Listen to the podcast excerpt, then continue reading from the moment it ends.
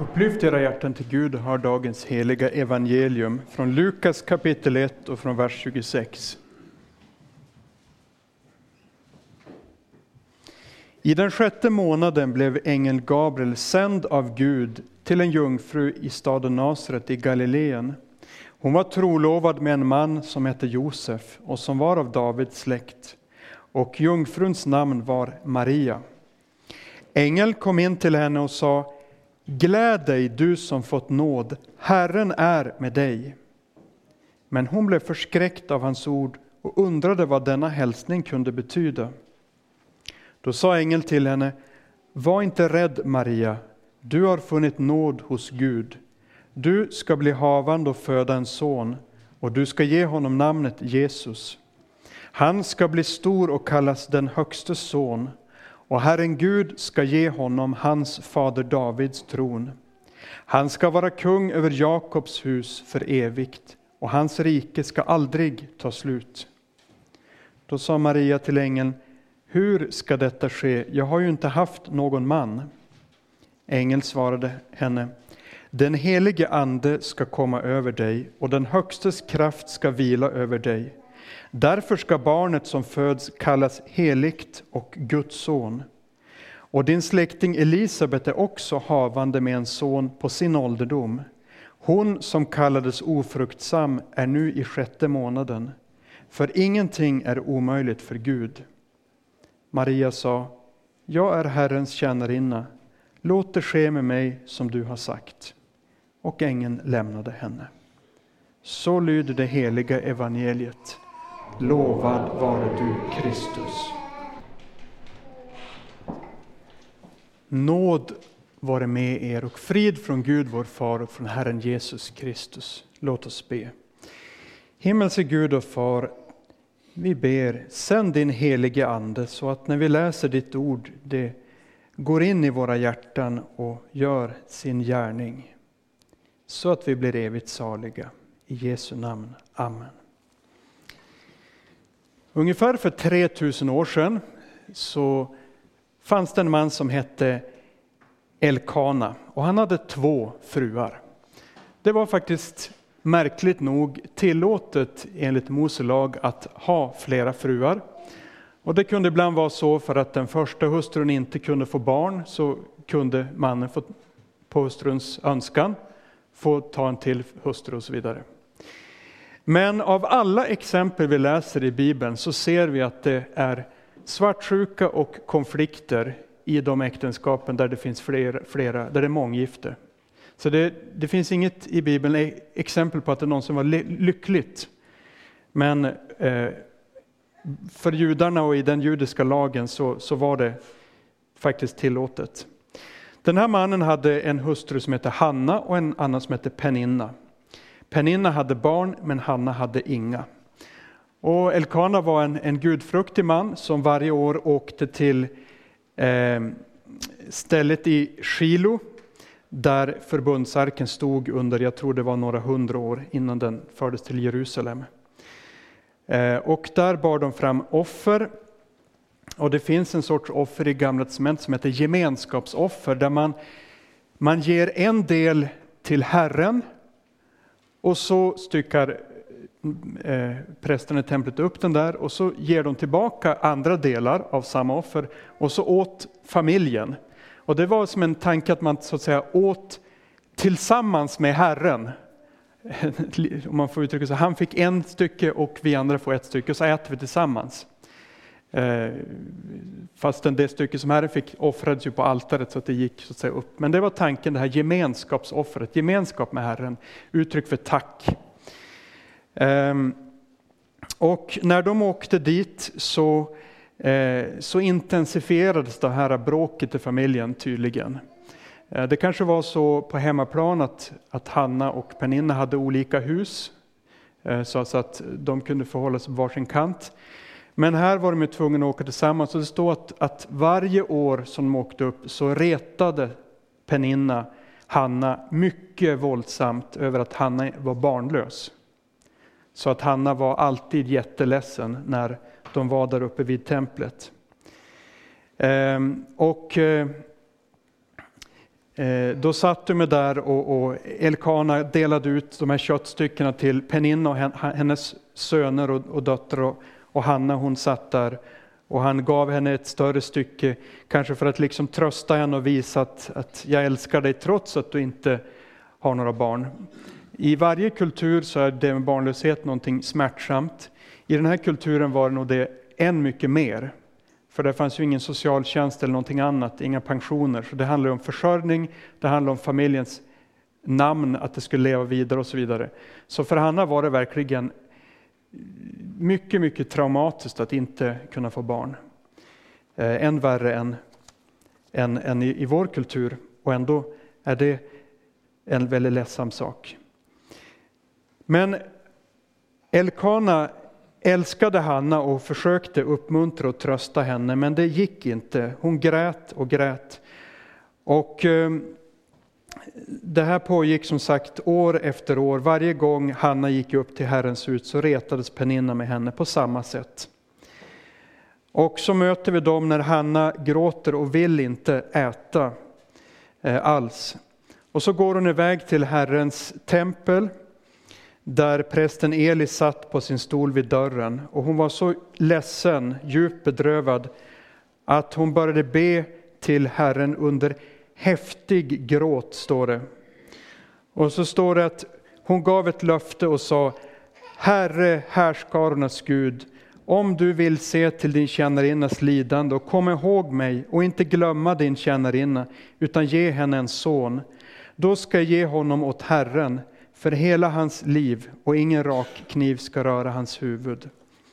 Det fanns en lag om att man skulle kunna bli nasir i Gamla testamentet, då skulle man inte raka håret en slags le, le, en person som liksom påminde alla om att det är inte det här livet som är det viktiga, utan det är det som kommer. Man liksom lät livet vara tråkigt, man åt inte god mat, drack inte vin eller någonting sånt, håret fick växa. En slags levande påminnelse om att hörni, vi ska dö. Var redo. Och så gav hon, lovade hon att skulle hon kunna få en son så skulle Gud få tillbaka sonen och få ta honom helt och hållet. Men hon bad tyst och det brukade man vanligtvis inte göra på den tiden.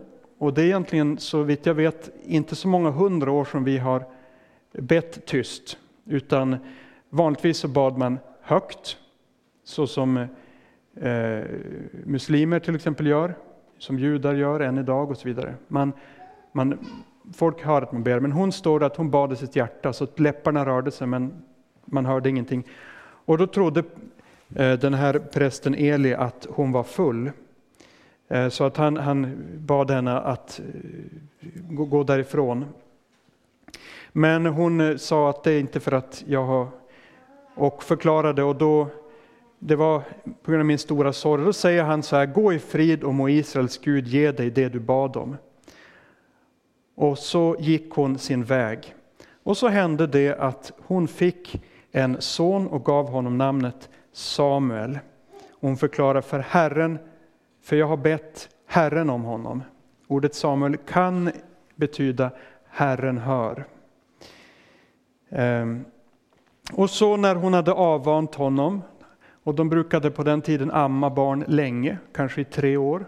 Så det var inte bara att man var nio månader eller ett år eller så, utan tre år, kanske ännu längre. Ammade barn länge.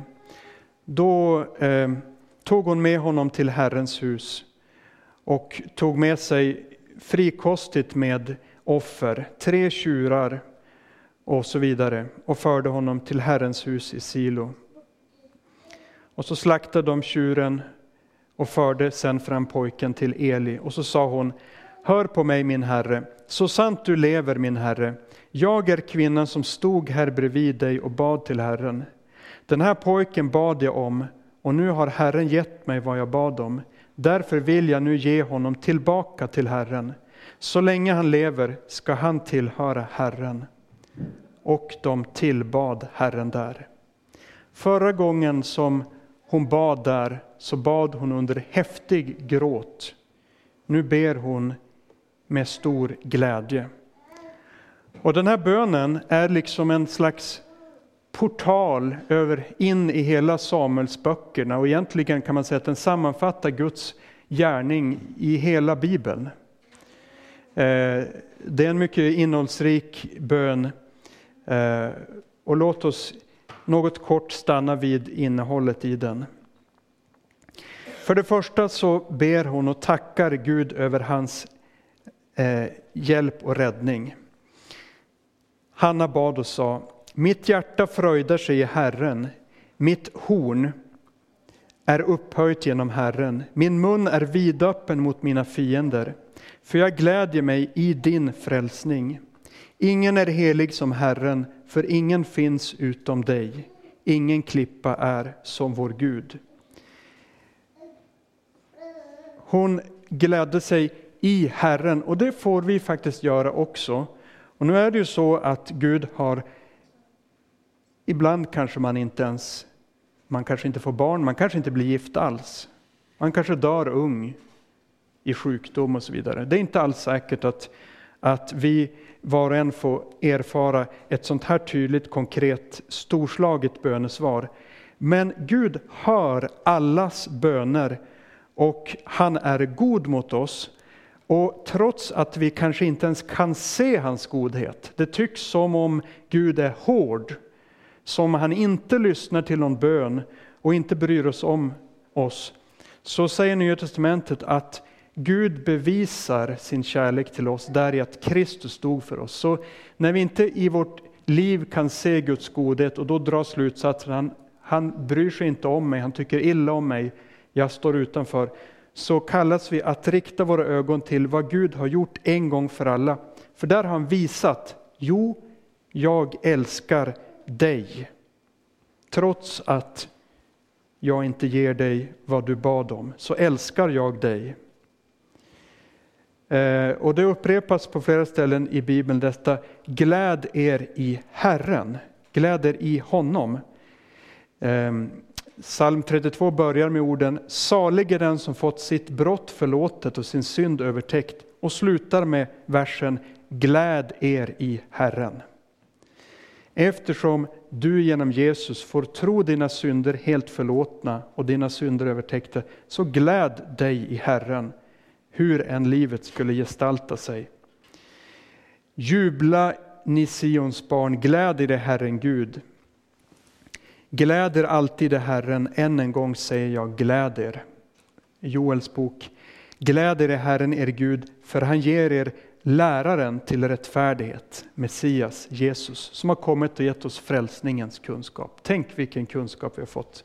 Tänk att vi har fått höra och lära oss att det finns ett sätt att komma till himlen, att Gud ger oss det av gratis. Oj, oj. Vilka människor på jorden får höra det? Vi har ju fått det största av alla. Vilken stor sak.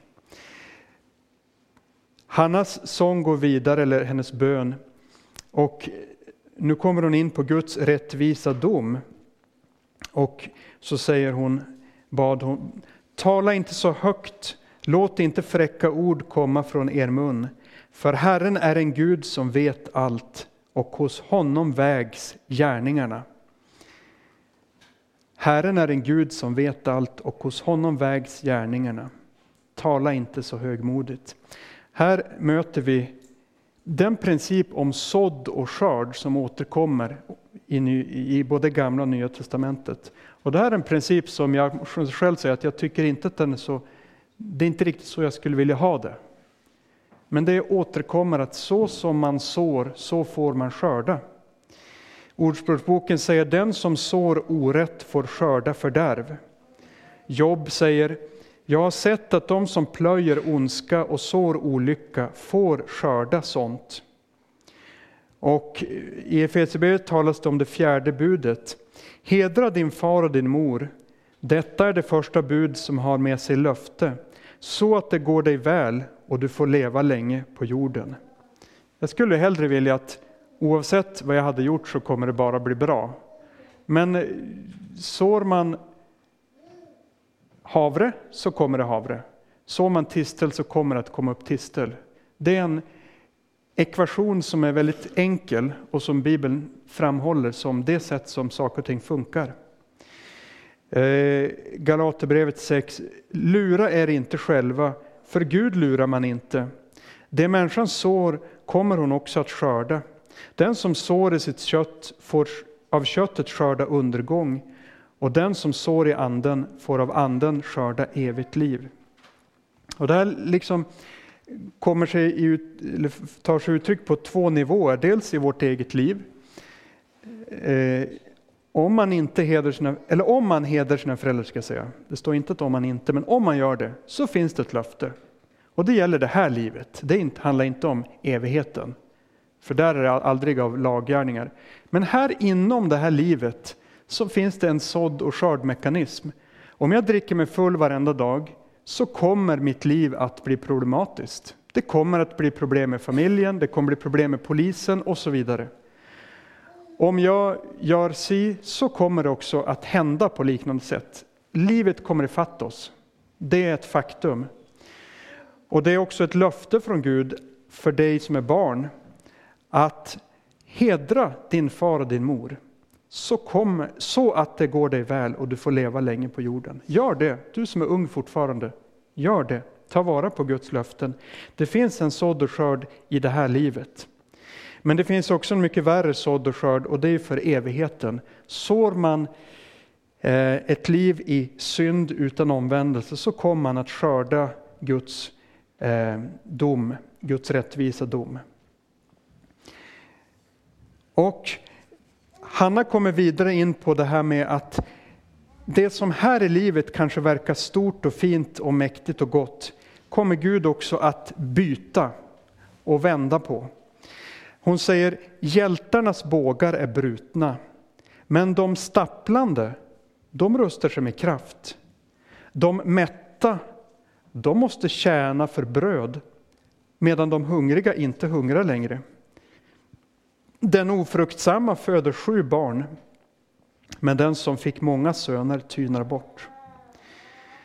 Och så är det här på jorden att Guds folk ringaktas här, marginaliseras, eh, kan till och med förföljas och så vidare.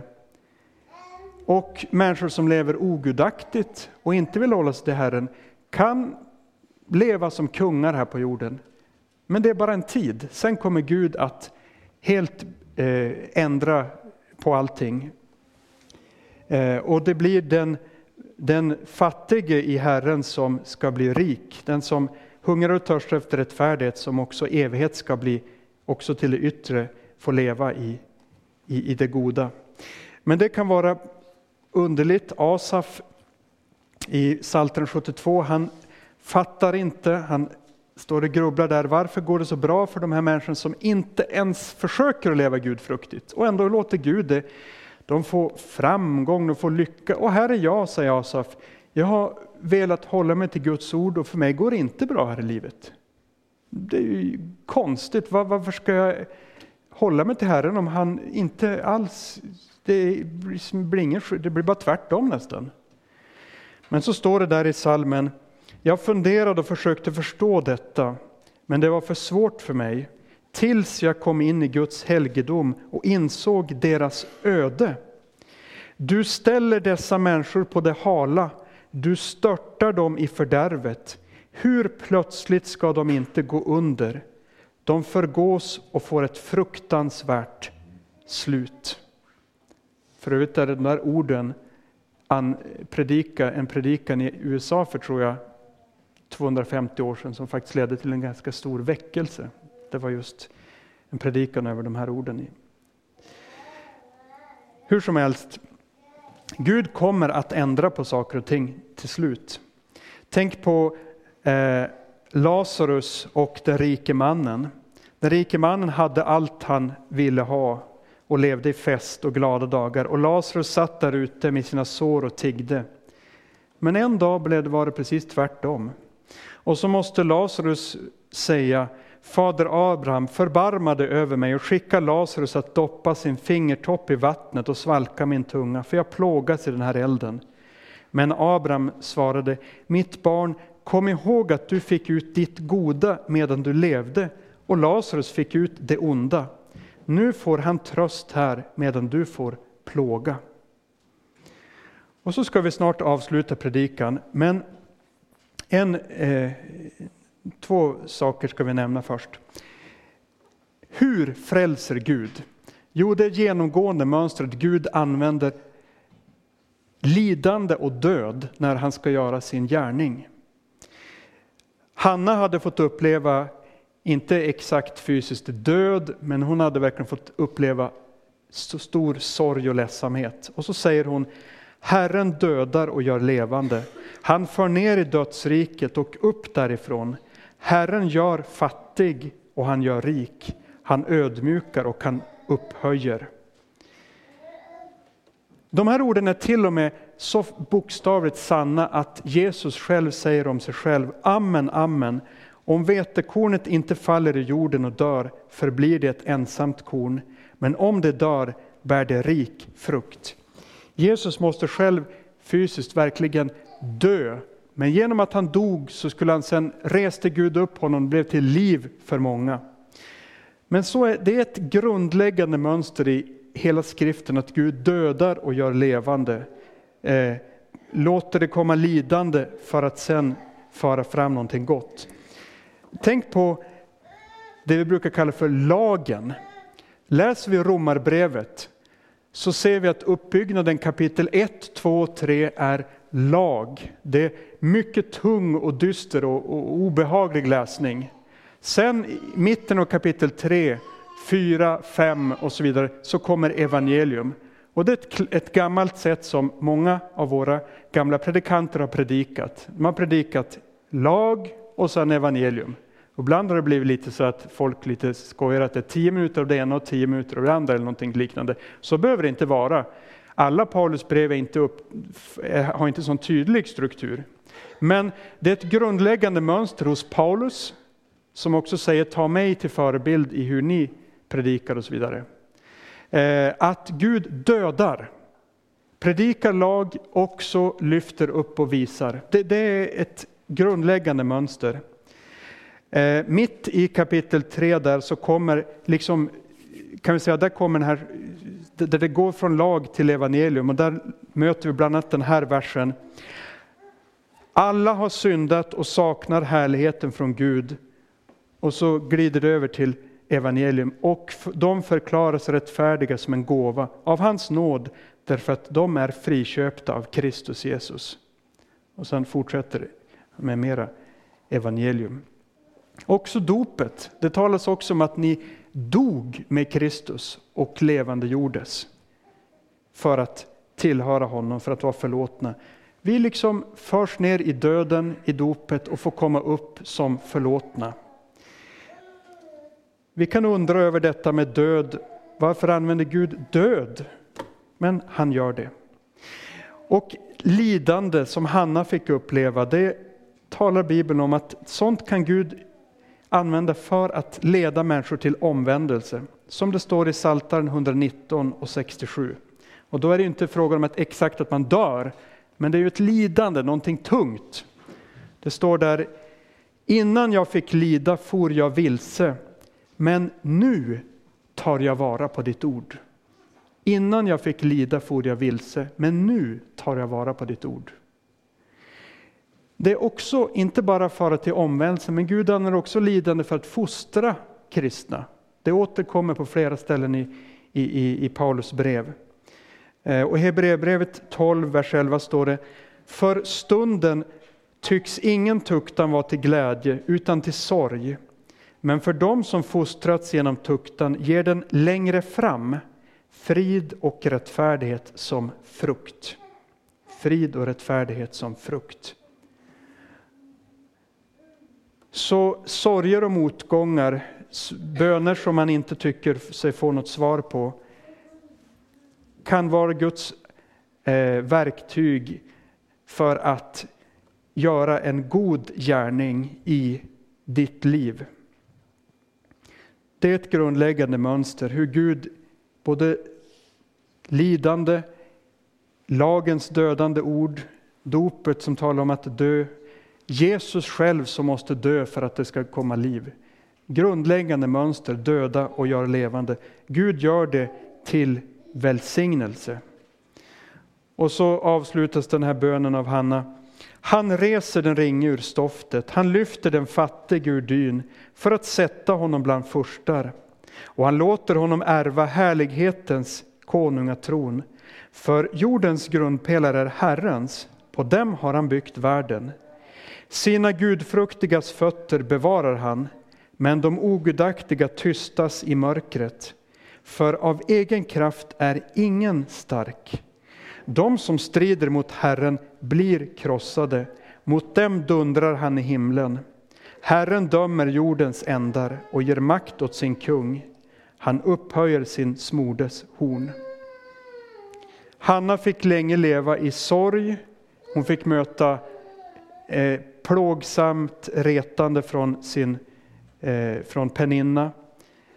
Men så kom en dag när Gud vände allting och hon fick den här Samuel som faktiskt fick också bli till en mycket stor välsignelse, inte bara för henne utan för ett helt folk. Och det får vi också veta att den som tar sin tillflykt till frälsaren kommer inte på skam. Gud leder allting till det bästa till slut. Det gör han för Jesu Kristi skull. I hans försoning har vi allt. Du är döpt i hans namn, förlåten. Guds nåd i Kristus vare med er alla. Amen.